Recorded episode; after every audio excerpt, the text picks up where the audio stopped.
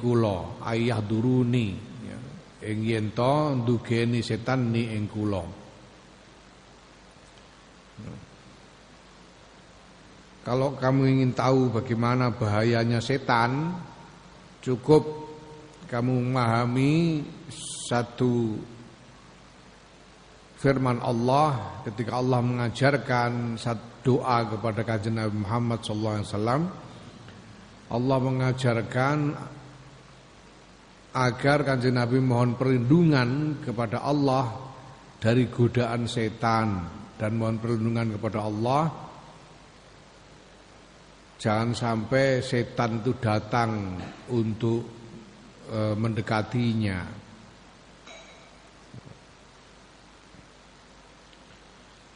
Atau e, tinggal bersamanya. Ya durun itu hadir. Hadir artinya ada di ada bersamanya. ya.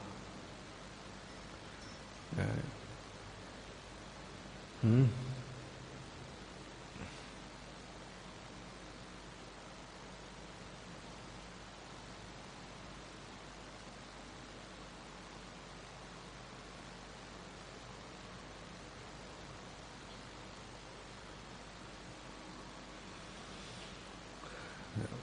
Nah, bahkan begitu bahaya setan sampai Allah perlu mengajarkan kepada kanjeng Muhammad SAW nabinya untuk berdoa mohon perlindungan dari setan. Fa'adha mengkau tahu iki khairul alamina sak bagus-baguse sak api-apike wong ngalam kabeh. Wa alamahum wa a'lamuhum lan paling pintere alamin wa aqalluhum lan paling cerdase alamin wa afdaluhum lan paling unggule alamin. Indallahi taala mugi Allah taala. Yahtaju butuhake sapa kanjeng nabi ma'adzalika sertane mengkon-mengkono sebagai manusia terbaik manusia yang paling alim paling cerdas paling unggul butuhake ayastaiza ing yen to nyuwun perlindungan sapa Kanjeng Nabi billahi kelawan Allah min syarri syaitan saing eleke setan. Fa kaifa bika? Monggo kepriye bika kelawan sira ma'ah jahlika sertane goblok ira? Wa naksi kalan kekurangan nira wa ghaflatikalan kelalaian ira. Ini Kanjeng Nabi ini manusia terbaik, manusia yang paling unggul, paling cerdas, paling alim, toh masih membutuhkan berlindung kepada Allah dari jeleknya setan. Nah, bagaimana dengan dapuranmu? Dengan kegoblokanmu, dengan kekuranganmu, dengan kelalaianmu, lebih-lebih lagi. Ya, artinya kamu jauh lebih membutuhkan mohon perlindungan kepada Allah dari setan. Wa amal khalqu anapun utawi makhluk fasbuka mongko iku nyukupi sira fi min dalam makhluk annaka tasna sira iku lau khalatat lau tahum lamun nyampuri sira hum ing makhluk wa wafaktahum lan nyetujoni sira hum ing makhluk fi ahwaihi min dalam pira-pira kepinginane makhluk asim ta mongko dosa sira.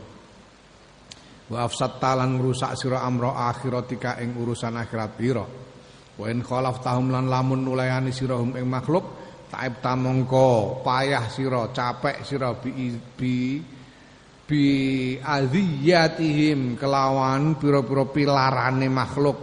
Wa jafawatihim lan pira-pira begedute kembegedutane makhluk kewangkotane makhluk.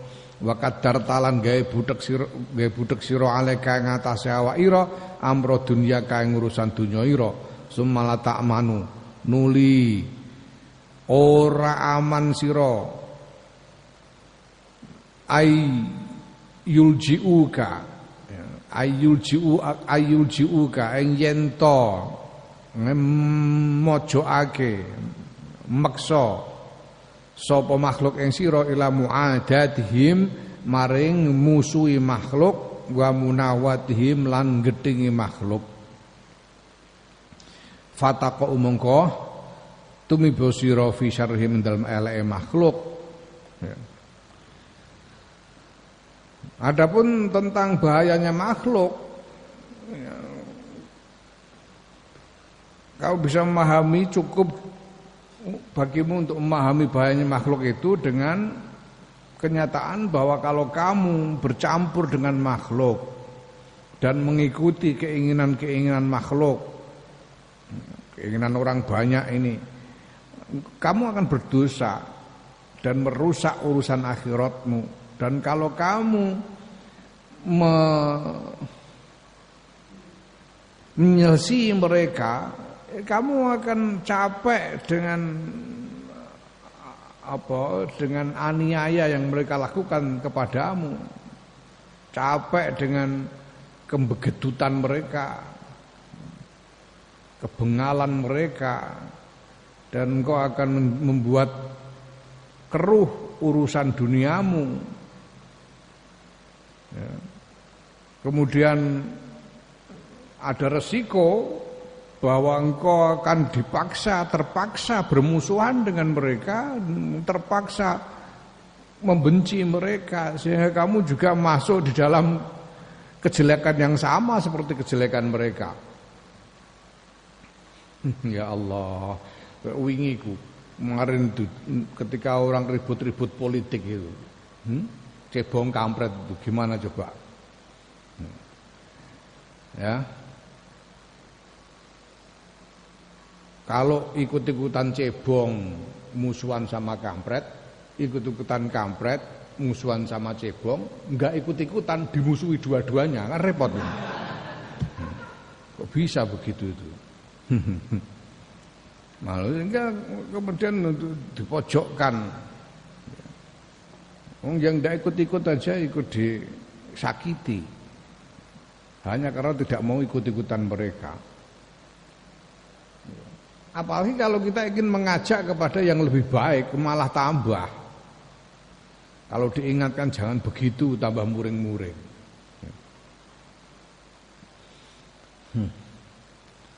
Tambah menyakiti. Seperti kanjeng Nabi Muhammad karena kanjeng Nabi memang tugas ditugaskan oleh Allah untuk uh, membimbing makhluk tapi kanjeng Nabi mengalami kesulitan yang sama. Misalnya ketika kanjeng Nabi pergi ke Taif mengajak orang-orang Taif untuk beriman. Dan mereka tidak mau dan tidak mereka itu tidak cukup hanya dengan menolak ajakan kanjeng Nabi, mereka menyakiti kanjeng Nabi. Ini anehnya makhluk. Diajak kepada iman, kepada yang lebih baik, mereka tidak mau tapi tidak cukup hanya dengan tidak mau mereka menyakiti yang ngajak kanjeng Nabi itu disakiti padahal nek dijak mau ya wis ngono ora wis to. Menyakiti piye? Kowe umpamane ana wong lagi do kumpul-kumpul ayo do aku ning Jakarta. Ngono anggere muni moh ora wis. Lah kok terus kowe dikepruki? Gendeng ngomong Lha apa ngajak-ngajak ning Jakarta orang kowe dikepruki. Itu dialami oleh Kanjeng Nabi waktu ketok. Makhluk itu begitu. Kalau diselisihi ngamuk kemudian cenderung menyakitimu sehingga urusan duniamu jadi kacau balau Seringkali juga dari situ kamu terpaksa juga harus berbusuhan dengan mereka, membenci mereka. Akhirnya kamu jatuh dalam kejelekan yang sama seperti kejelekan mereka. Dalam hal saling bermusuhan dan saling membenci itu. Wali annahum makhluk iku in madahuka lamun muji sapa makhluk ing sira wa azamu kalan ngagungake sapa makhluk mulyaake sapa makhluk ing sira akhofu kuwatir ingsun Imam Ghazali alaika ing atase sira al fitnata ing fitnah wal ujbalan ujub. Berbangga diri. Wa in zammu kalan lamun maidu mencela sapa makhluk ing sira wa haqaruka lan menghinakan sapa makhluk ing sira akhafu kuwatir sapa ingsun alika ing atase sira al hazana ing sedih susah tarotan ing dalam siji wektu. Wal ghadabalan bendu lighairi taala karena saliyane Allah taala ukhra ing dalam wektu kang liya. Wakil amra ini utai hale wakilal amro ini hale utawi karone uru perkara loro yaiku susah lan bendu muring iku afatun bahaya muhlikatun kang binasaake kang rusak ya. Nah, nah kalaupun kalaupun makhluk ya, masyarakat orang-orang memuji-mujimu, memuliakanmu, itu dikhawatirkan kamu menjadi besar kepala, ya, menjadi ujub. Kamu justru mendapatkan fitnah, cobaan karena itu. Ya. Sementara di lain kalau makhluk itu mencelamu, menghina-hinakanmu, itu dikhawatirkan kamu jadi merasa sedih. Ya. Kemungkinan satu kali merasa sedih atau kemungkinan lain kamu menjadi marah. Dan dua-duanya sedih ataupun marah. Ya. Dan kemarahan itu kemarahan bukan karena Allah, kemarahan bukan karena Allah. Sedih bukan karena Allah dan kemarahan bukan karena Allah. Sedih karena apa? Karena dirinya dihinakan orang. Ini bukan karena Allah. Marah karena dihinakan orang bukan karena Allah. Ya. Ini dua-duanya adalah bahaya yang bisa merusak ibadah. Ya. Sayyidina Ali karamallahu wajah itu pernah dalam satu pertempuran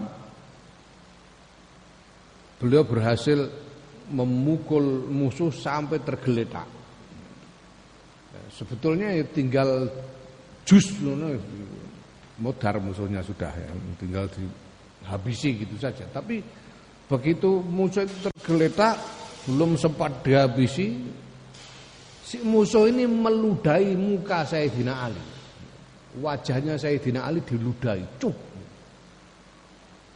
Nah begitu mukanya di Ruda itu Sayyidina Ali kelihatan marah tapi kemudian malah pergi. Nggak jadi dihabisi musuhnya itu. Ditinggal. Ditinggal pergi musuhnya. Lalu ditanya orang jenengan jenengan gimana? Itu musuh sudah tinggal dihabisi. Jenengan malah tinggal pergi itu gimana? Nggak jadi jenengan habisi. Kata Sayyidina Ali dia meludahi mukaku. Dia meludahi mukaku. Loh lah, lah itu kan malah justru kurang ngajar begitu kok nggak dihabisi sekalian loh. Gimana lah? Aku terus marah. Aku marah kalau aku menghabisi dia, membunuh dia waktu itu. Aku membunuhnya bukan karena Allah, tapi karena marahnya nafsuku. Saya. Menghindari Eh, kotoran dalam ibadah karena karena bertempur itu dalam rangka ibadah lillah. Ya. Apa pun yang dilakukan termasuk membunuh musuh dalam pertempuran itu lillah. Ya. Beliau menjaga betul itu sehingga kemudian ketika merasakan kemarahan pribadi dari nafsu, beliau justru menghindarinya. Ya, karena itu merusak ibadah. Hmm. Sumazkur nuli ilingo sira halaka ing tingkahira mahum serta makhluk ba'dama sirta ing dalam sakwuse oleh dadi sira fil qabri ing dalam kuburan bisalah sati ayamin kelawan telung dino hmm. sekarang coba pikirkan pikirkan kamu nanti sudah mati dikubur sudah dikubur. Nah setelah tiga hari, ya, setelah tiga hari ini mungkin coro wong Persia. Dalam masyarakat Persia. Ya. Perhatikan nanti. Setelah tiga hari, kefayat trukunaka, kepriye ninggal sapa makhluk ing sira, waya jurunaka lan nyingkiri sapa makhluk ing sira? Wa sunaka lan nglalekake sapa makhluk ing sira walaya kadun lan raparet-paret sapa makhluk yadkurunaka eling sapa makhluk ing sira. Kana kaya kaya stune kulam tarahum ora tau weruh ing makhluk mau.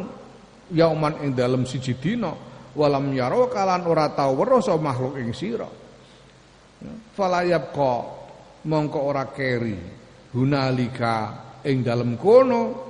Illallah subhanahu wa taala kejaba sapa Allah subhanahu wa taala hmm. sekarang pikirkan kalau kamu mati sudah dikubur setelah tiga hari Lalu orang-orang ini meninggalkanmu, nggak ada lagi yang mau nungguin kamu di kuburan. Tidak ada lagi yang mau mendatangimu. Mereka melupakanmu seolah-olah tidak pernah kenal denganmu.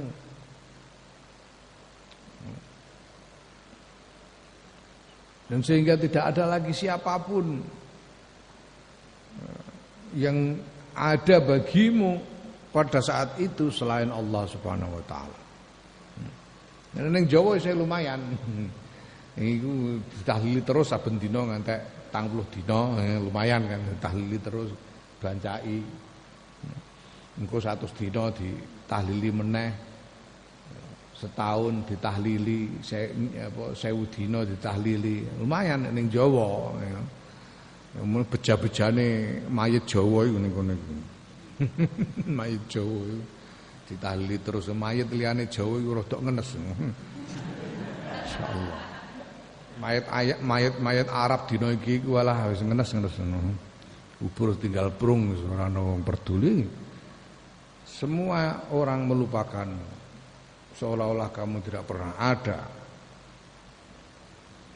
Sehingga tidak ada lagi siapa pun bagimu saat itu selain Allah. Nah, nah afala yakunu mongko ana ta ora ana iku minal azimi setengah saking kerugian kang gedhe apa an tudia yen to ngilangake sira nyiak-nyiakake sira ayyamaka ing pira-pira dina ira maha ulail khalqi sertane kono diapuran makhluk ma'aqillatil wafai sertane sidike e, pemenuhane makhluk terhadap kebutuhanmu. Wafa itu memenuhi kebutuhan. Wakil latil baqai lan e langgeng mahum sertane makhluk. Ya. Wa tatruka lan yen ninggal sira Allah taala. Ing ladeni Allah taala alladzi yarji'u ilahi kang bali ilahi maring Allah wal amru urusan wahdahu hale ijene Allah. Wala yabqalan ora keri laka kedue sira illa huwa kejaba sapa Allah abadal abdina ing dalam selawas-lawase. Wal hajatu hajat kulluha yus kabehane hajat iku ilaihi maring Allah. Watuklan watuklanu lan uh, uh, pengandalan ya. Lan tawakal tawakal itu mengandalkan Allah ya. Betuklan lan tawakal kulluhu yaskabene tawakal ku alaihi ngatasi Allah.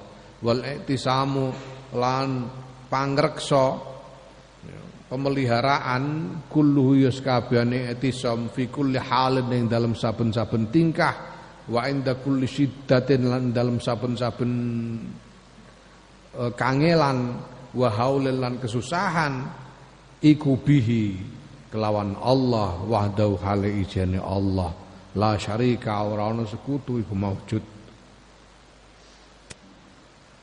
lahu kedue Allah. Hmm?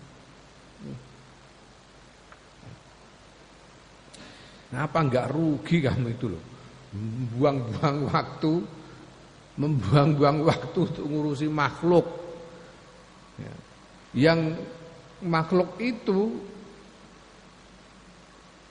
hanya sedikit kemampuannya dalam memenuhi kebutuhan-kebutuhanmu. Coba dari sekian banyak kebutuhanmu, ada berapa persen dari kebutuhanmu yang bisa dipenuhi oleh makhluk? Sedikit sekali yang bisa dipenuhi oleh makhluk. Dan kamu juga tidak tinggal tinggal lama bersama mereka, tidak lama. bakal mati nek ora kowe mati sik ya wong liya sing mati dhisik Tidak lama kamu tinggal bersama mereka. Apa enggak rugi terus kamu ngurusi mereka sambil meninggalkan khidmah kepada Allah. Sedangkan segala urusan itu kembalinya kepada Allah. Segala um, apa kebutuhan itu uh, apa namanya yang bisa memenuhi adalah Allah. Hanya Allah yang bisa kita andalkan, hanya Allah yang bisa memelihara kita dalam segala keadaan, segala kesulitan. Tidak ada yang lain selain Allah. Fata amal mongko angen-angen sira ya miskinu he wong miskin wong sing saake. Wahai orang yang memelas miskin itu.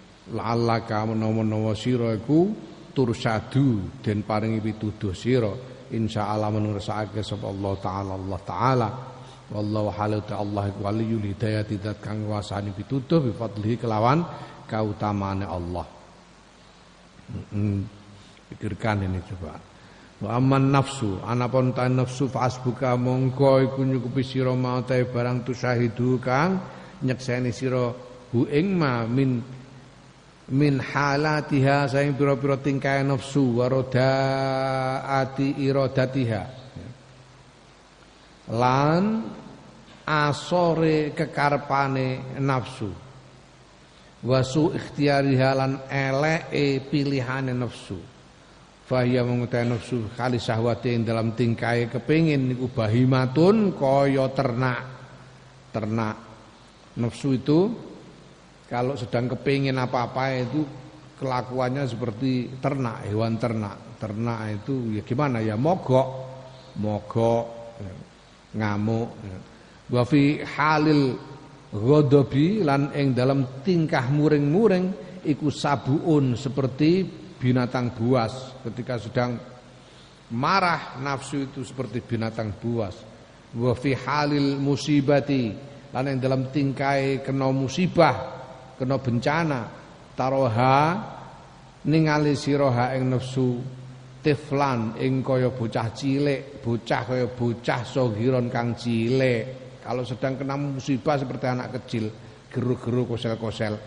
Wa fi halin nikmati lan dalam tingkai nikmat taroha. Weruh siraha ing nafsu Fir'aunan ing kaya Fir'aun, kalau sedang dapat enak seperti Fir'aun, menang-menangan, medit. Wa fi hal ju'i lan dalam tingkai ngelih taroha weruh sira ing nafsu majnunan ing gendeng kaya wong kejinan. Nafsu itu kalau sedang lapar jadi gila. Wa fi halis syab'i dalam tingkai warak taroha ningali sira ing nafsu muhtalan ing uh, angkuh sombong. Ya, kalau sedang kenyang dia menjadi sombong.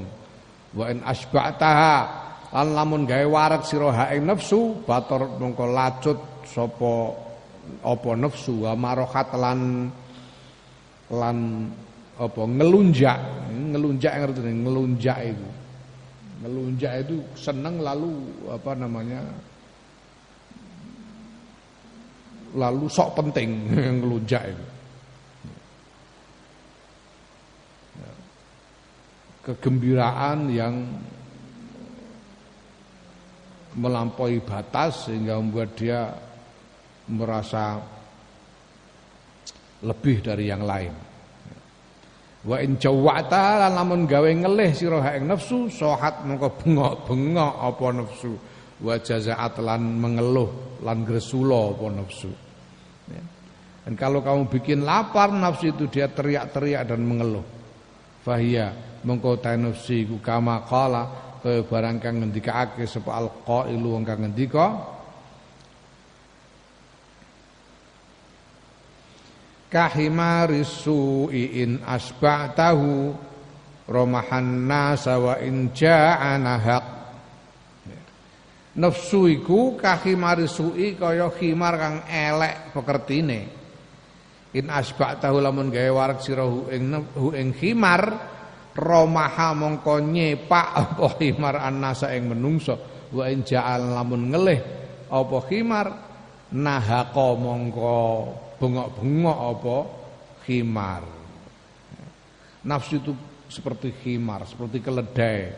Kalau kamu kenyangkan keledai itu dia akan menendang-nendang orang menyepak orang. Kalau kamu bikin lapar dia dia akan teriak-teriak. Wis khimar khimar bunga-bunga itu paling welek suara paling elek itu suarane khimar. Ngok ngok ngok khimar paling nyebeli suaranya. Walakot sodako lan nyekti teman-teman bener sapa ba'du salihin sebagiane wong soleh hai sukolang sekirane ngendika sapa ba'du salihin.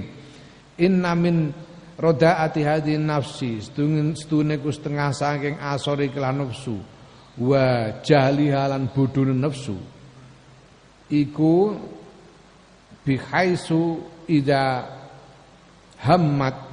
Kelan sekirane nalikane kepengin napa nafsu bi maksiatin kelan ngakoni maksiat. Awim ba'asat utawa gumregah apa nafsu li sahwatin maring nuruti syahwat fasanaitaha fasanaitaha. Mongko memalingkan sira ha ing nafsu terus jangan-jangan. Nafsu menginginkan sesuatu kemudian kamu malingkan. Jangan jangan jangan. Lakukan itu. Ya. itu memalingkan nafsu biman eh, bi eh, eh, nuli memalingkan ya, gawe mengo ing nafsu. Au tasafa'ta ngalap syafaat sira ilaiha maring nafsu billahi subhanahu kelawan Allah subhanahu wa taala summa bi rasulihi alaihi salam nuli kelawan utusane Allah kanjeng Muhammad sallallahu alaihi wasallam wa bi jami'il anbiya wa bi jami'i anbiya lan kelan sekabehane pira-pira nabine Allah bikat wa bi kitabihi lan kelawan kitabe Allah bi jami'is salafis lan kelawan sekabehane salafus soleh para pendahulu yang soleh min ibadi saking piro-piro kawulane Allah wa ta'ridu lan mentokake lan menghadapkan siro alaiha ing atase nafsu al mauta ing kematian wal qabr ing kuburan wal kiamat lan kiamat wal jannat lan swarga wan nar lan neraka la tukti ora menehake apa nafsu al ing kiada ing manut. Wala tatruku lan ora ninggal apa nafsu asyahwata ing syahwat nafsu itu kalau dia sedang kepingin sedang terdorong kepada satu syahwat tertentu dan kemudian kamu berusaha memalingkannya supaya dia tidak apa tidak menginginkan supaya dia meninggalkan syahwat itu ya, itu walaupun kamu mohon syafaat Allah, mohon syafaat kanjeng Nabi semua nabi-nabi pada Quran kepada semua orang-orang soleh yang pernah ada, nafsu itu loh tidak nurut, tetap tidak nurut, tetap aja, tetap aja begedut nafsu, tidak mau nurut, disuruh berpaling itu tetap tidak mau. Walaupun sudah dimintakan syafaat kepada Allah dan yang lain-lain tadi. Ya. Nah sementara itu summa in taha nuli lamun ngadepake sira ing nafsu walaupun diingatkan mati, diingatkan kuburan, diingatkan surga neraka, lu tetap aja nggak nurut, tetap nggak mau berpaling dari syahwatnya. Tapi summa in istakbalta nuli lamun ngadepake sira ing nafsu biman iragifin kelawan nyegah mangan roti ya taskun mongko meneng apa nafsu wa tatruk lan ninggal apa nafsu syahwat ing syahwate nafsu. Hmm. tapi kalau kamu ancam untuk tidak makan roti diancam tidak makan dia itu malah ini jadi diam lalu nurut. Ya. kamu tidak mau makan gitu itu nafsunya jadi diam. Dan meninggalkan sahwatnya Hmm. Ya. Ini anehnya nafsu itu. Coba, coba nafsu itu lagi kepengen apa-apa. nih weden-weden apa gak wedine. Nafsumu itu, nafsumu itu kalau sedang menginginkan sesuatu, itu kamu takut-takuti apa saja enggak. Kamu iming-imingi pahala enggak. Enggak mau apa berpaling kamu takut-takuti enggak mau berpaling, enggak bisa dipalingkan. Tapi kalau kamu terus puasa malah diam dia. Hmm, malah enggak jadi kepingin gitu. Itu nafsu. Yang ini kulit tak lama supaya ngerti siro. Khissataha ing asore nafsu wa jalalan bodhone nafsu. Begitu itu supaya kamu tahu betapa rendahnya dan bodohnya nafsu itu. Fa kamu kewedya sira ayyuhar rajulu wong antag fala ing yen e, lali sira nglalekake sira anha saing nafsu. Ya, maka jangan sampai kamu melalaikan nafsu itu. Fa inna mongko nafsu kama qala kaya oleh dawuh sapa khaliquha penciptane nafsu al alimu kang mudane biha kelawan nafsu jalla jalaluhu hale moho agung apa jalaluhu keagungane khaliq piye dawuhe khaliq al khaliq yaiku Allah subhanahu wa taala. Innan nafsala ammaratum bisu. Sedune nafsu iku la ammaratun. Yakti iku tukang merintah bisui kelawan elek. Allah sendiri telah berfirman bahwa nafsu itu memang suka nyuruh-nyuruh, sukanya nyuruh-nyuruh yang jelek. Fakafa mongko cukup biasa apa iki apane tambihan peringatane liman kedue wong aqala kang mikir sapa man walaqad balagona lan yakti teman-teman wis tumek nekani ing ingsun Imam Ghazali an ba'di sholihin sing sebagiane wong saleh. Yuqalu lahu kang den ngendikaake lahu wong saleh. Ya sapa Ahmadun Ahmad bin Arqam Al-Balakhi. Wong soleh ini ada seorang soleh namanya Ahmad bin Arqam al-Balakhi. Mungkin ini dari dari daerah yang namanya daerah Balkh. Daerah Balkh itu di sekitar Bukhara situ Balkh. Rahimahullah. Ya. Anhu sangking Ahmad bin Arqam annahu apa setuhune Ahmad bin Arqam qala ngendika sapa? Ahmad bin Arqam. Ngendikane?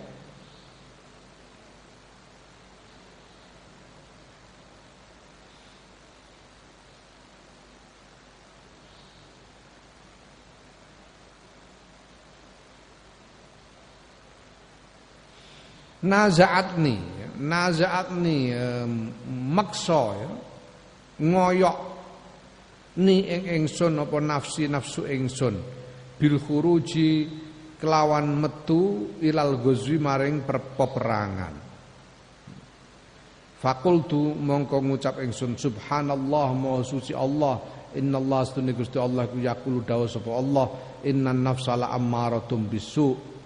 Wa hadhi utawi ikilah nafsuku iku tak muruni merintah apa hadi ing ingsun bil khairi lan kebagusan layakun ora ana apa hadza iki ana nafsu ngongkon kebagusan abadan ing dalam selawase. Tegese iku ora mungkin.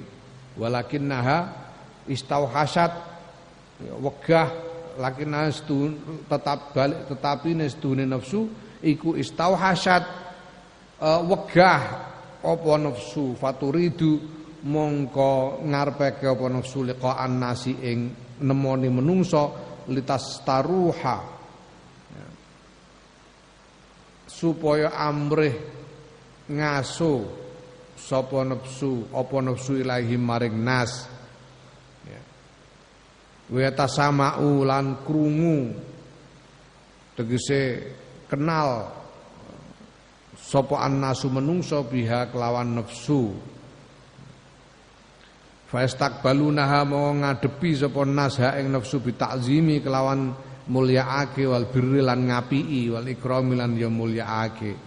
Fakultu laha mongko ngucap sapa ingsun la marang nafsu la unzilukal umrona la unziluka ora bakal ora manggonake sapa ingsun la unziluki ya nafsu iku biasane di dihukumi muannas la unziluki ora bakal manggonake sapa ingsun al umrona ing keramean.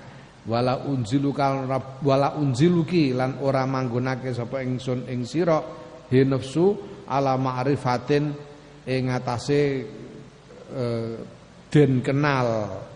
Fa ajabat.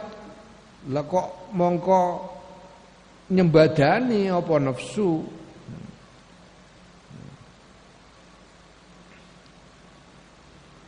ya fa asatu mongko ngelekake ingsun gawe elek ingsun azzonna ing penyono biha kelawan nafsu.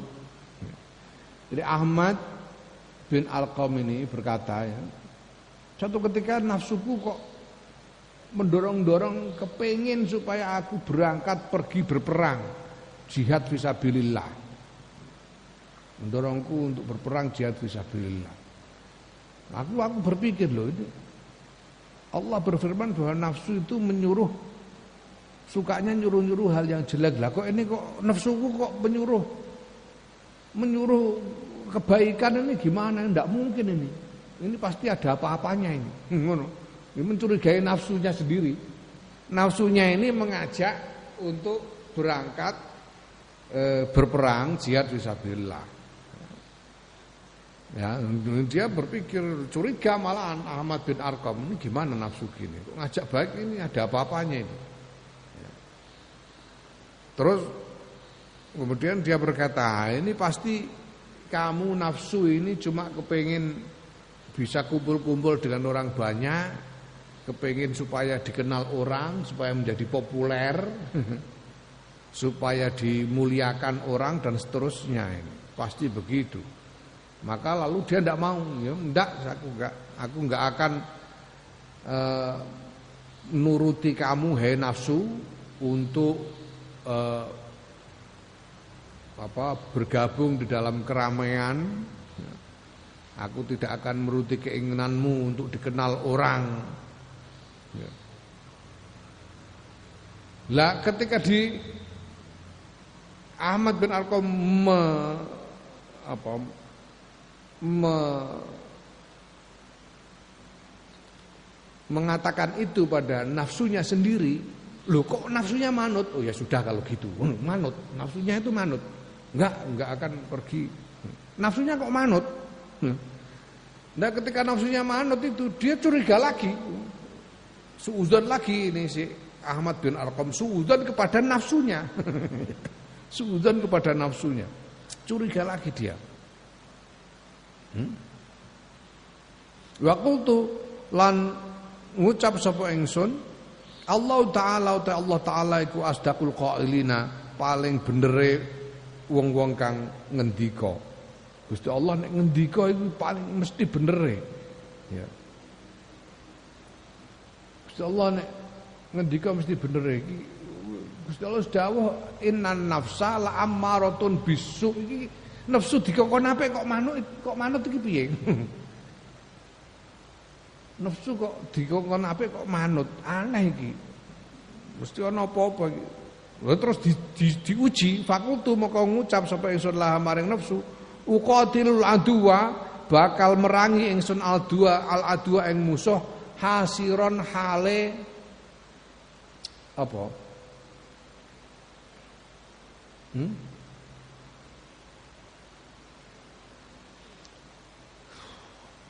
Apa istilahnya?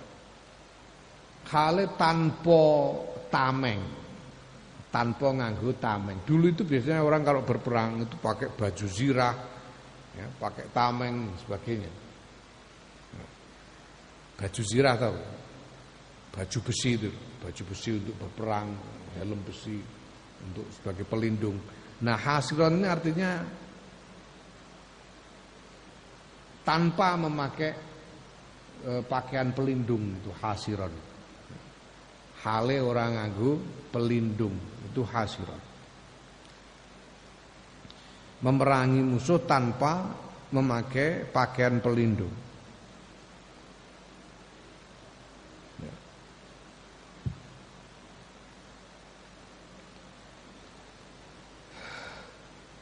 Fatakunina mongko ana sapa sira nafsu iku awala qatilen kawitane.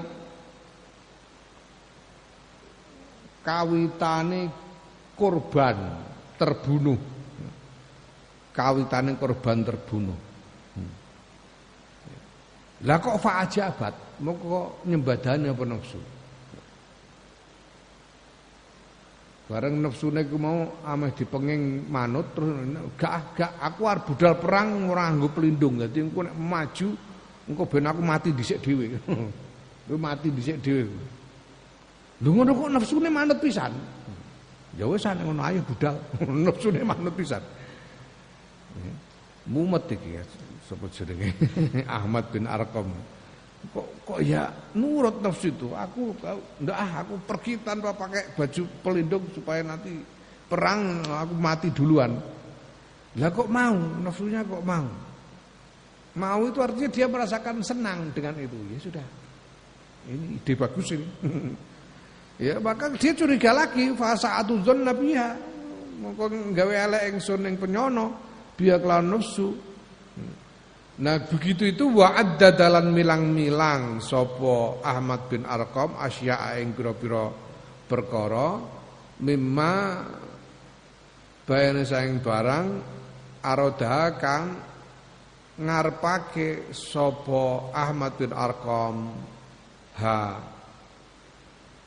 ing asya fa ajabat mongko nyembadani apa nafsune Ahmad ila kulli dzalika maling sekabehane mengkono-mengkono asya ya. Jadi gini Ahmad bin Arqam itu dia men meneliti diri merasakan nafsunya Kok nafsuku kok ini kok ngajak perang ya? Ngajak perang ya. Wah, ini paling-paling cuma kepengen kumpul-kumpul sama orang kepengen dikenal orang aja. Ndak, ndak.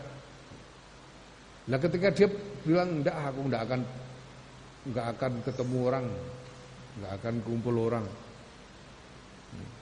Lah kok tetap senang? Nafsunya tetap merasa enak, merasa senang untuk tidak ketemu orang itu. Ya dia curigai lagi, ah kalau gitu aku mau perang tanpa pakai pelindung biar mati duluan nanti. Lo kok tetap senang nafsunya itu? Nafsunya tetap enak, tetap senang. Itu bolak-balik apa yang disenangi nafsunya itu dilihat. Semuanya itu dilihat semua. Ya. Berbagai macam kebaikan kok nafsunya kok senang semua ini apa ini? Nah, Kala mongko ngendika sapa Ahmad bin Arqam fakultu mongko matur sapa ingsun marang pangeran Ya Rabbi, duh pangeran kula, nabihni mugi paring ngertos panjenengan ing kula laha maring nafsu. Fa inni mongko sedune kula niku mutahimun curiga laha maring nafsu musaddiqun tur benerake laka dumateng panjenengan. Ya. ya, banjur Aman bin Arqam donga Allah ya Allah niki pripun nafsu kula niki mugi panjenengan Jenengan tuduhaken niki sakjane wonten napa niki nafsu kula niku. Kula niku curiga kalian nafsu kula. Kula yakin dumateng benere dawuh panjenengan. Ya Allah tunjukkanlah kepadaku tentang apa yang terjadi dengan nafsuku ini. Karena aku mencurigai nafsuku dan aku meyakini kebenaran firmanmu. Nah setelah berdoa seperti itu Faku syiftu moko den buka sapa ingsun biha kelawan nafsu. Ya, mendapatkan muka syafah. Dibuka tabirnya Ya, maka kemudian seolah-olah Ahmad bin Arkom ini melihat ka'annaha kaya kaya sedune nafsu iku takulu ngucap sapa nafsu. Ya Ahmadu ehe Ahmad anta utawi sira iku taktuluni mateni sira ing ingsun kula yaumin ing dalem saben-saben dina biman biman ika kelawan nyegah ira iya ya ing ingsun min sahawatin saing pira-pira kepinginan marrotin kelawan pirang-pirang ambalan. Wa bimukhalafati kawan kelawan sulaya ira ya. walayas urulan ora ngerti bihi kelawan kelawan eh, apa olehmu mateni ingsun ya.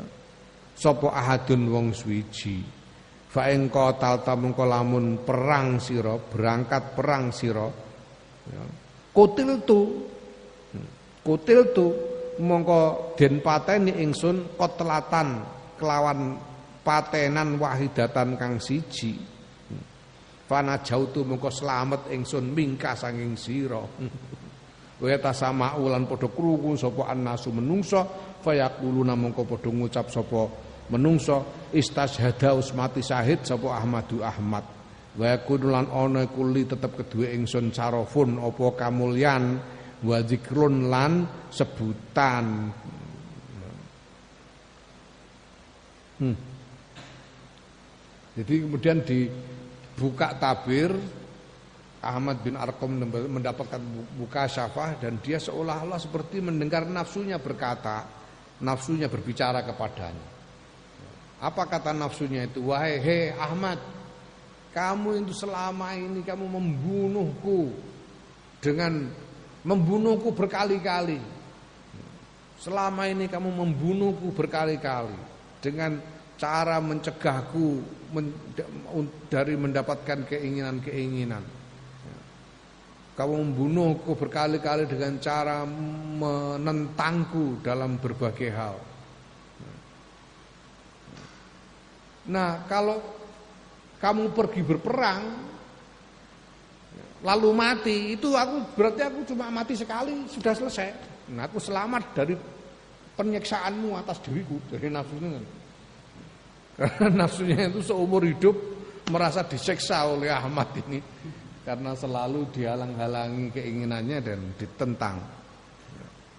Aku selamat darimu malah nanti orang akan aku jadi populer dikenang orang sebagai sebagai orang yang mati syahid.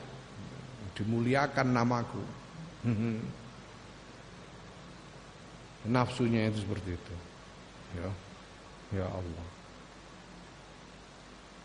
Kala ngendika sapa Ahmad bin Arqam faqa'attu mongko lungguh sapa ingsun walam akhruj lan ora metu sapa ingsun ilal ghazwi maring peperangan fi dalikal ami ing dalam mengkono-mengkono tahun. Dan Ahmad memutuskan ya sudah aku diam aja nggak pergi nggak berangkat perang dalam tahun itu. Ini nafsu, insya Allah. Insya Allah, nafsu. Hmm. Ini buat kalian, ini santri-santri ini penting diingat itu. Aku itu anakku dua orang kutitipkan di kajen dan ku ikutkan madrasah matolek di kajen itu. Itu pada waktu daftar disuruh membaca pernyataan. Saya nama. Muhammad Nihrir Yahya Fattah. Ahmad Fatlak Yahya Fattah dengan ini menyatakan bahwa saya belajar di madrasah Matolul Falah ini dengan niat semata-mata untuk mendapatkan ridho Allah. Ono pernyataan ngono. Ono pernyataan. Aku terus takok tanya sama Kiai Muat. Niki kok Matoh ngoten matolek ini hebat sekali ini ada pernyataan begini untuk santri yang daftar. Hmm. Kata Kiai itu yang nyuruh Mbah Sahal, Mbah Sahal yang nyuruh. Dasarnya dasarnya dari dari kitabnya Imam Ghazali juga Bidayatul Hidayah itu dikatakan bahwa kalau ada orang mencari ilmu dengan tujuan selain mendapatkan ridho Allah itu haram ya. Dosa. Golek ilmu kok tujuannya selain. Apa wae? Tujuanmu apa wae? Selain ridho Allah. Dosa. Ngajimu dosa. Ngajimu dosa. Kepengen apa? Kowe golek supaya sampean iso dadi kiai gede untuk salaman templek akeh misalnya ngono. Dosa ngajimu. Ngajimu dosa ngaji supaya golek ilmu supaya dapat ijazah lalu bisa dapat kerjaan. Dosa. Golek ilmu supaya ketemu jodoh misalnya empat tahun. Dosa. Dosa. Pokoknya semua tujuan selain ridho Allah itu dosa. Nah di pihak lain kalau ada guru tahu bahwa muridnya itu belajar dengan tujuan selain ridha Allah kok masih mau ngajar gurunya dosa itu karo gurunya juga dosa Makanya Basal itu nyuruh bikin pernyataan itu untuk melepaskan tanggungan guru-gurunya gitu. Sudah bikin pernyataan, guru-gurunya nggak ada tanggungan lagi. Ya. Atas niatnya eh, murid ini. Karena ini godaan yang memang akan datang kepadamu bolak-balik dalam berbagai macam. Bolak-balik dalam berbagai macam. Apalagi kalau Gus nek kowe anake kiai Gus wah wah aku nek ora iso ngaji isin. Wah dosa ngajine tak kandhani. Ya. Jadi tolabul ilmi itu tidak boleh punya tujuan lain selain ridho Allah masya Allah masya Allah, masya Allah. Hmm. hmm. makanya Kemudian apalagi jihad fisabilillah. Jihad fisabilillah kok sampai tujuannya itu selain ridho Allah ya ya buyar udah biar makanya tidak mau lalu tidak mau pergi berperang. Fadur mongko nyawang osiro ila khida'in nafsi maring pira-pira tipu dayane nafsu. Wa gururiha lan lamise nafsu. Turoi pamer apa nafsu annasa ing menungso ba'dal mauti ing dalam sause mati bi amalen kelawan ngamal lab yakun kang ora ana apa ngamal iku ba'du ing dalam sause mati Bahkan ya Allah. Bisa nafsu itu. Wah, aku nanti kalau mati kalau aku melakukan jasa yang besar nanti kalau aku mati akan meninggalkan nama. Hmm. Orang akan mengenangku sebagai pahlawan. Lu riak, wis mati kok saya riak itu. Gedengin nafsu itu loh. Padahal kalau sudah mati itu mau apa? Kok masih masih pengen riak sesudah mati itu loh. kan gendeng nafsu. Ya. Seperti itu bahayanya nafsu, masya Allah. Hmm, walakot sodakolan yang teman-teman bener sapa alqailu wong kang ngendika ahsana lan bagusake sapa qail fi dalam barang kala kang ngendika sapa qail.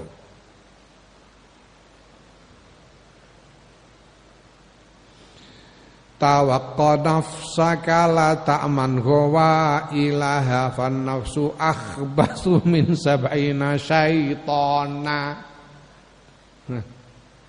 Ya Allah. Tawakka ngrekso sira nafsaka ing nafsu ira. La ta'man aja rumangsa aman sira. Gawa ilaha ing wa ilaha ing pira-pira gawe rusake nafsu. Fan nafsu mongko ta nafsu iku akhbathu luweh elek min sabina syaitan nanti dibang 70 apane syaitanan setane jagalah nafsu itu jangan kamu merasa aman dari eh, kelakuan nafsumu yang akan membawa kerusakan bagimu dengan berbagai cara. Karena nafsu itu lebih jelek dari 70 setan.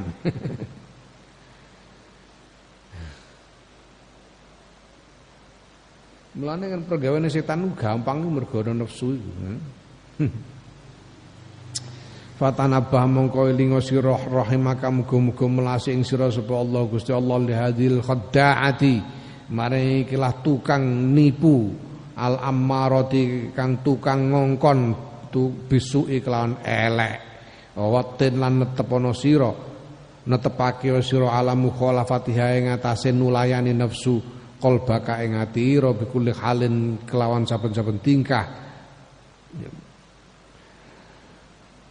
Tasib mongko bener sira wa taslam lan selamat sira. Insyaallah ngersakake sapa Allah taala Allah taala. Ya, maka ingatlah engkau semoga Allah merahmatimu. Ya, waspadalah engkau kepada nafsu yang tukang tipu dan tukang menyuruh kepada kejelekan ini. Dan tetapkanlah hatimu untuk menentang nafsumu dalam keadaan apa pun. Maka kamu akan uh, uh, apa namanya? Kamu akan ada pada keadaan benar kamu memilih apa yang benar dan kamu akan selamat jadi caranya itu nak urusan dengan pokoknya kalau nafsu kok merasa enak, merasa senang, jangan turuti. Hmm. Kalau tidur kok kayaknya enak tidur, jangan tidur. Hmm. Kayaknya kok jalan-jalan kok enak, eh jangan keluar. Pokoknya apa yang nafsunya merasa ingin, merasa enak, jangan turuti. Hmm. Itu. Itu insya Allah akan selamat. Summa alaika nuli wajib ngentasi sira bil jamiha kelawan ngendali nafsu bil jami takwa kelawan kendali takwa. La khilata ora ana reka iku lah maring nafsu siwahu sakliyane takwa. Kendalikan dengan takwa karena enggak ada cara lain untuk mengendalikan nafsu selain dengan takwa. Wa alam lan ngerti sira annaha huna ing sedune iku tetep ing dalam kono aslan asilan pokok kang kukuh wa wa utai asal pokok iku annal ibadata. Sedune ibadah iku satroni ana rong rong belahan. Ibadah itu ada dua belahan ibadah. Tahulah bahwa ada dua belahan ibadah. Ibadah itu terdiri dari dua belahan. Yaitu apa? Satrul iktisabi. Yang pertama belahan ngupoyo, belahan iktisab. Iktisab itu ngupoyo, bertindak, melakukan. Itu iktisab. Wasatrul istinabi lan belahan nginggati, menghindari.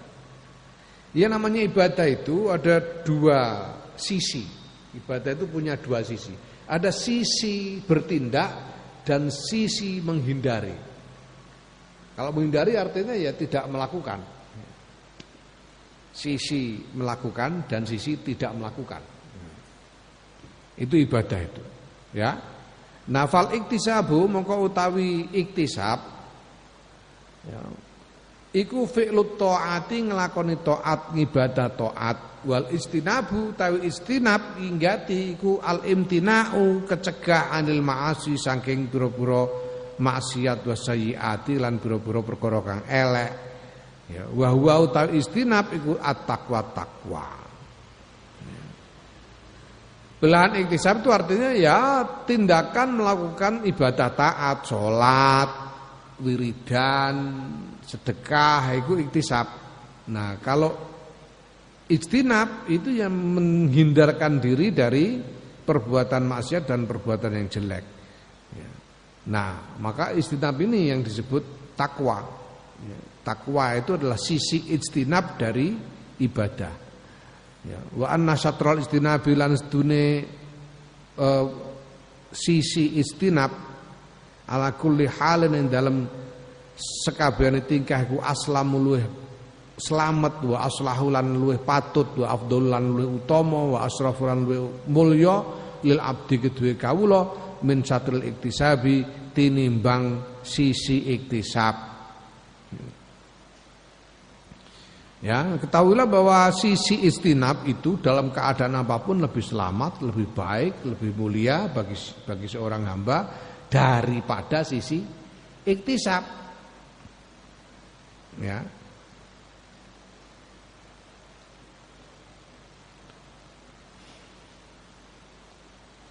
Walidali kalan krono mengkono mengkono mazkur bahwa istinab lebih utama daripada iktisab yastagilu ketungkul sopo al mubtadiuna para pemula min ahli ibadah di sayang ahli ibadah alladzina hum yaiku wong-wong hum kang utai alladzina iku fi awali darusatin ing dalem kawitane tingkatan minal istihadi sayang perjuangan perjuangan ibadah ketungkul bisa teril iktisabi kelawan sisi iktisab.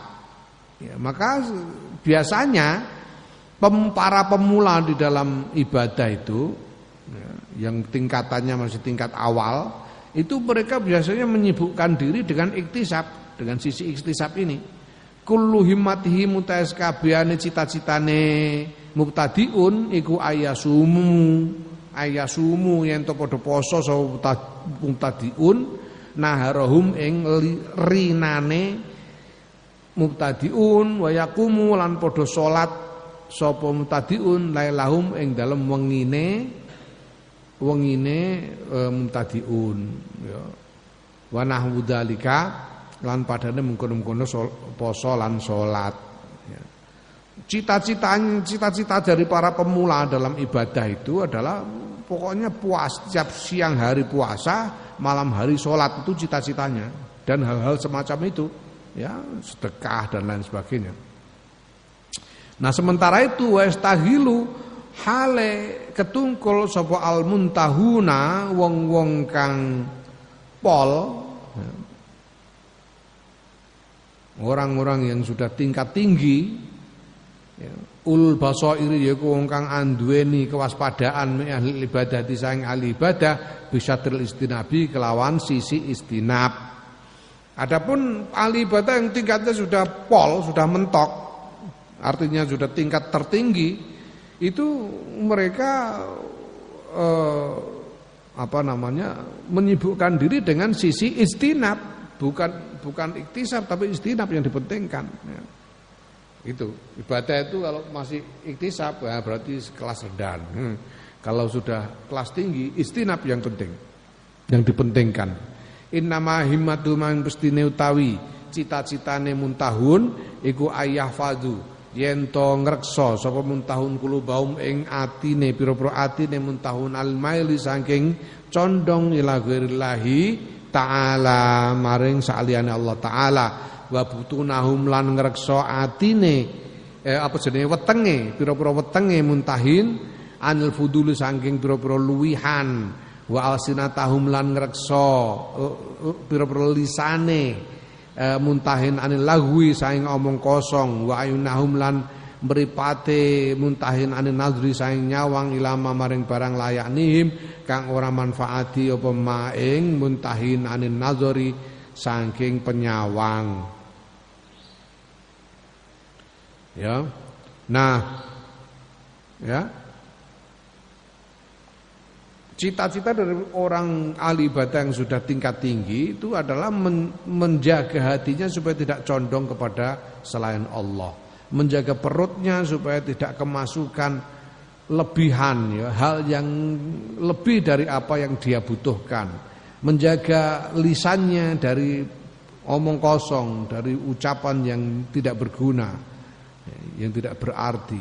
Menjaga matanya dari melihat hal yang tidak bermanfaat bagi dirinya. Walihadal makna krono ikilah makna qala ngendika sapa al abidus sani ahli ibadah kang kedua minal ibadi saing pira-pira eh, apa? Minal ubadi minal ubadi. Ya, ubad ibad minal ubadi saing pira-pira ahli ibadah wa kan lan ana sapa ubad iku sab'atun pitu li Yunus maring Nabi Yunus jadi ada riwayat Nabi Yunus ini bertemu dan belajar kepada tujuh orang ahli ibadah. Ya. Ada tujuh orang ahli ibadah yang menghabiskan waktunya, menghabiskan hidupnya untuk beribadah dan Nabi Yunus bertemu berguru kepada mereka. Ya. Ini ada ceritanya ini kisah yang panjang, masing-masing ahli ibadah mengajarkan satu pengetahuan kepada e, Nabi Yunus. Nah, ada ahli ibadah yang kedua di antara tujuh orang ahli ibadah itu berkata kepada Nabi Yunus Piye ngendikane? Ya Yunus wa Yunus inna minan nasis tuniku setengah sayang menungso man wong hubbiba kang den gawe dem, den kang gawe demen ilahi maring eman apa as-shalawatu pira-pira? Hmm,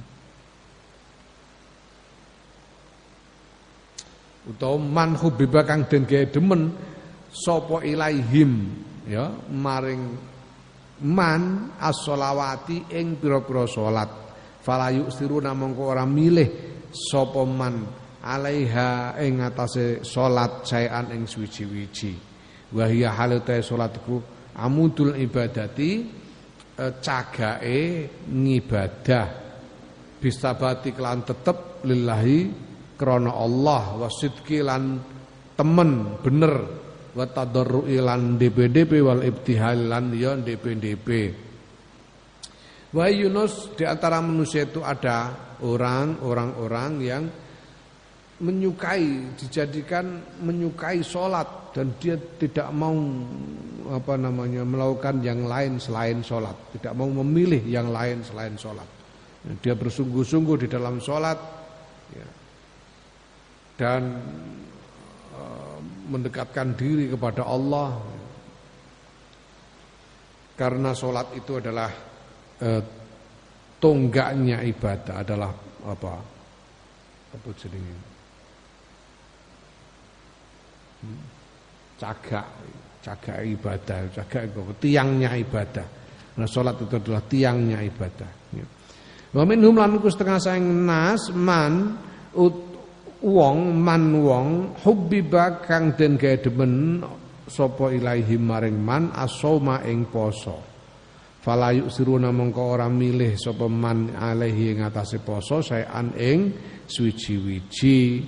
Wa minhum lan setengah saking iku setengah saking nas man wong hubbiba kang den gawe demen sapa ilahi maring man as-sadaqata ing sedekah fala yusiruna mongko ora milih sapa man alaiha ing atase sedekah.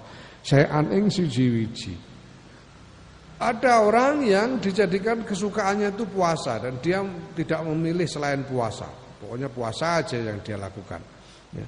Ada juga orang yang dijadikan senang kepada sodakoh dan dia tidak memilih selain sodakoh, mengkhususkan pada sodakoh saja.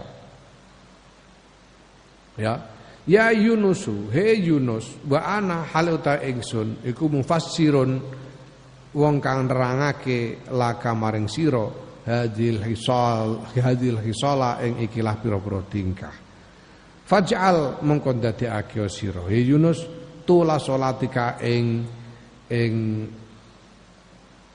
apa lawase suwene salat ira asobro ing sabar al baksai ing atase piloro ya. Wa taslimi lan pasrah li amrillahi ya, maring perintah Allah azza wa jalla wa ja'al lan dadekno sira somaka ing poso asumta ing meneng angkul lisuin saking saben-saben guneman elek. Wa ja'al lan dadekake dadekake sira sedekah ing sedekah ira kufal adza ing nolak piloro. Fa innaka mongko sedune sira iku la tatasaddaqu ora sedekah sira bisaen kelawan siji-wiji. Afdhala kang luwih utama minhu tinimbang kaful aza tinimbang nolak piloro. Wala tasumu lan ora poso sira bisaen kelawan siji-wiji. Azka kang luwih resik minhu tinimbang kaful aza Nah, Ali Bata ini berkata, mari aku terangkan kepadamu eh, keadaan orang-orang yang orang-orang yang beribadah ini. Ya. Jadi nasihatnya ahli ibadah ini jadikanlah wahai Yunus puasa apa solatmu itu jadikanlah solatmu itu adalah kesabaranmu. Jadi sabar di dalam menerima hal yang tidak enak, segala hal yang tidak enak, dan sabar di dalam menyerah berserah diri kepada perintah Allah. Itu dijadikan solatnya. Solatnya itu apa? Solatnya itu bukan bukan hanya solat yang didahului dengan takbiratul ikhram diakhiri dengan salam itu saja. Tapi harus di dalamnya itu ada sabar untuk menerima segala hal yang tidak enak dan pasrah kepada perintah Allah. Jadikanlah puasamu itu diam, diam dari omongan yang jelek. Puasa tidak sekedar menahan lapar dan haus, tapi diam. Puasa mulut, diam dari ucapan yang jelek mulutnya yang puasa. Dan jadikan menghindarkan eh, apa? Menghindarkan bahaya atau eh, menghindarkan sesuatu yang bisa menyakiti orang itu sebagai sedekahmu. Jadi kalau kamu menghindarkan orang dari hal yang menyakitkan itu sama dengan kamu sedekah.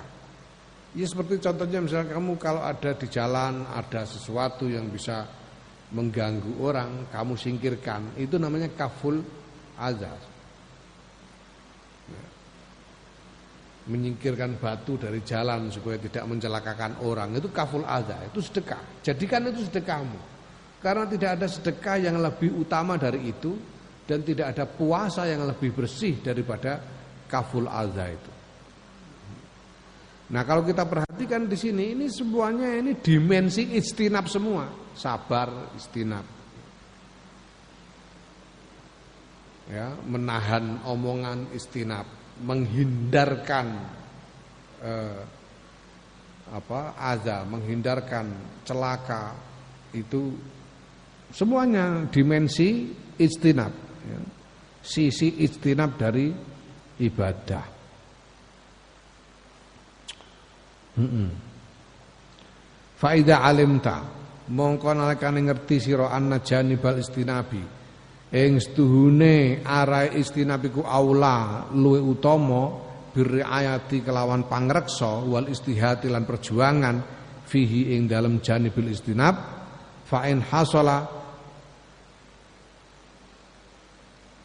Lah ngene. Faidan ngono ae. Faidan mongko ing dalem nalika iku alim ta nuli ing dalem nalika iku alim ta ngerti sira anna janibal istinabi ing sedune sisi istinabi ku aulal utama bi riayati klan reksa wal istihadi lan perjuangan fihi ing dalam janibil istinab Nah fa in hasala mengko lamun hasil laka kedu apa asyarat al asatroni dua dimensi, dua sisi mau jami'an halis kabehane yaiku al iktisabu iktisab wal istinab bulan istinab faqad istakmala. Mongko teman-teman sampurno apa amruka urusan ira? Wa hasolalan hasil apa muraduka eh, kekarpan ira?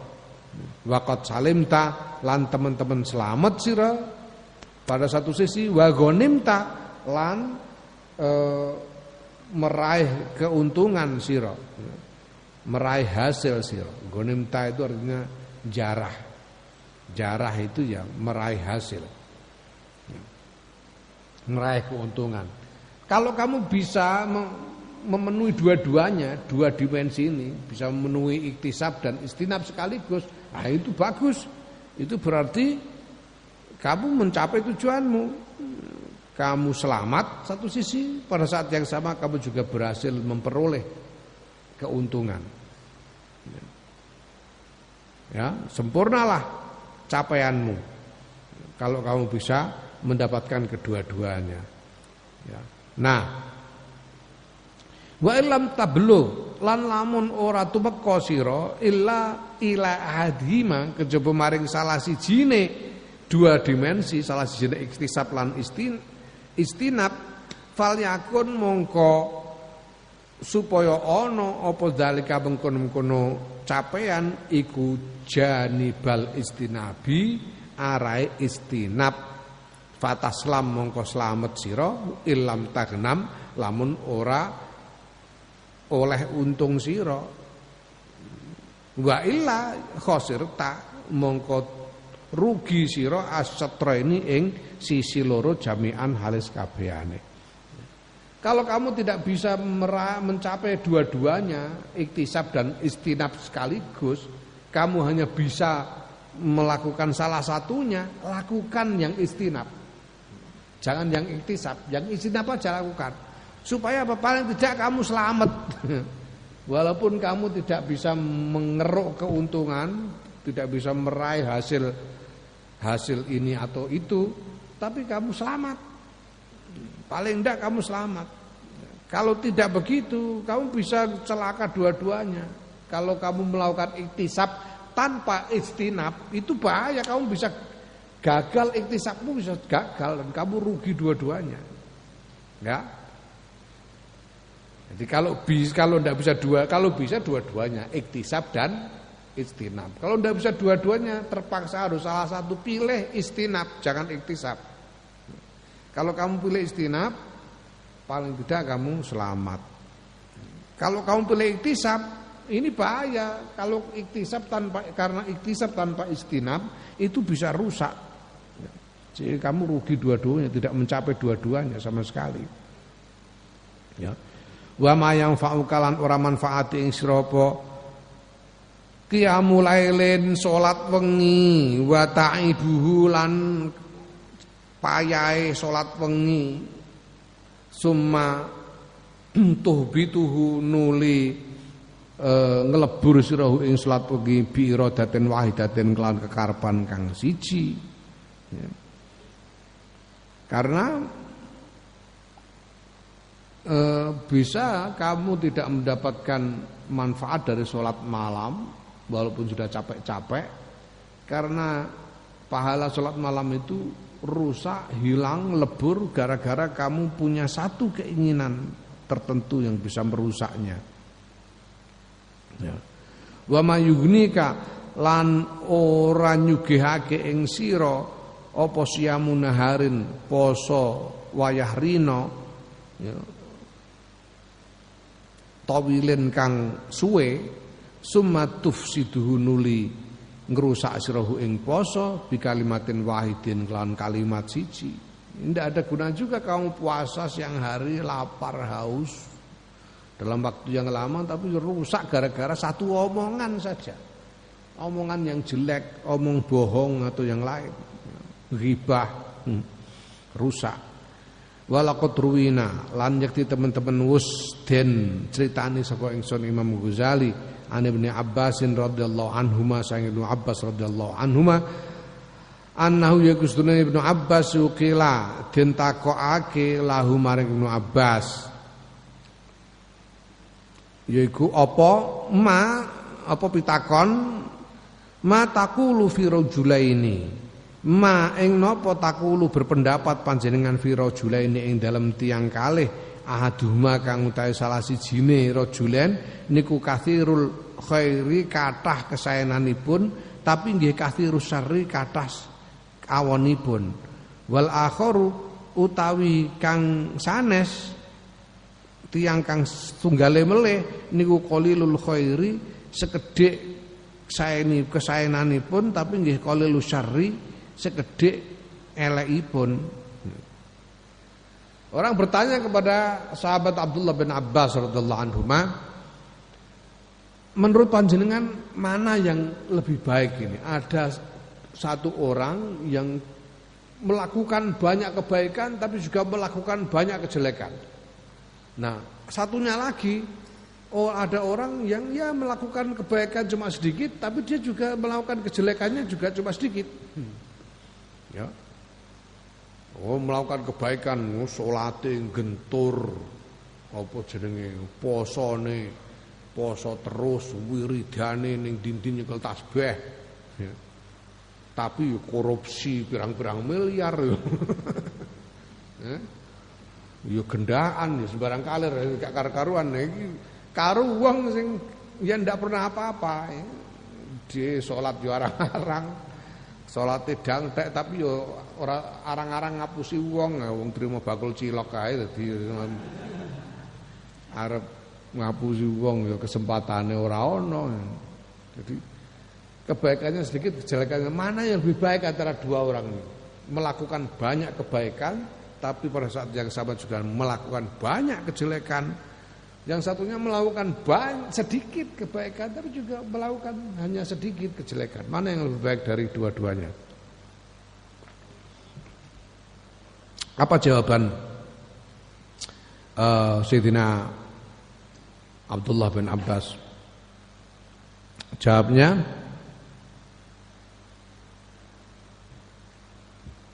hmm, tidak.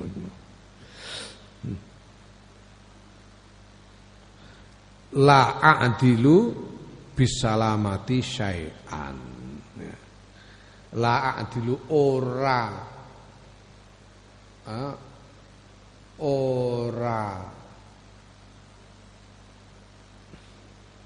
madhaake sapa ingsun bisalamati kelawan keselamatan syai'an ing suwiji-wiji jadi Artinya apa? Dua orang itu sama-sama tidak bisa dibilang selamat. Dua macam orang ini itu sama-sama tidak bisa dibilang selamat. Kenapa? Karena ukurannya adalah lagi-lagi iktisab, iktisab melakukan kebaikan, melakukan kejelekan. Iktisab. Ya. Selama ukurannya iktisab itu tidak bisa dibilang tidak bisa dijamin selamat. Selama ukurannya adalah iktisab, tidak bisa dijamin selamat. Yang bisa membawa keselamatan itu sisi ijtinab dari ibadah itu. Hmm.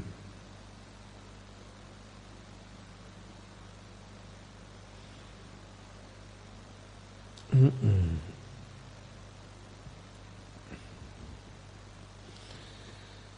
Naam wa misalu ma qulnahu wallahu alam.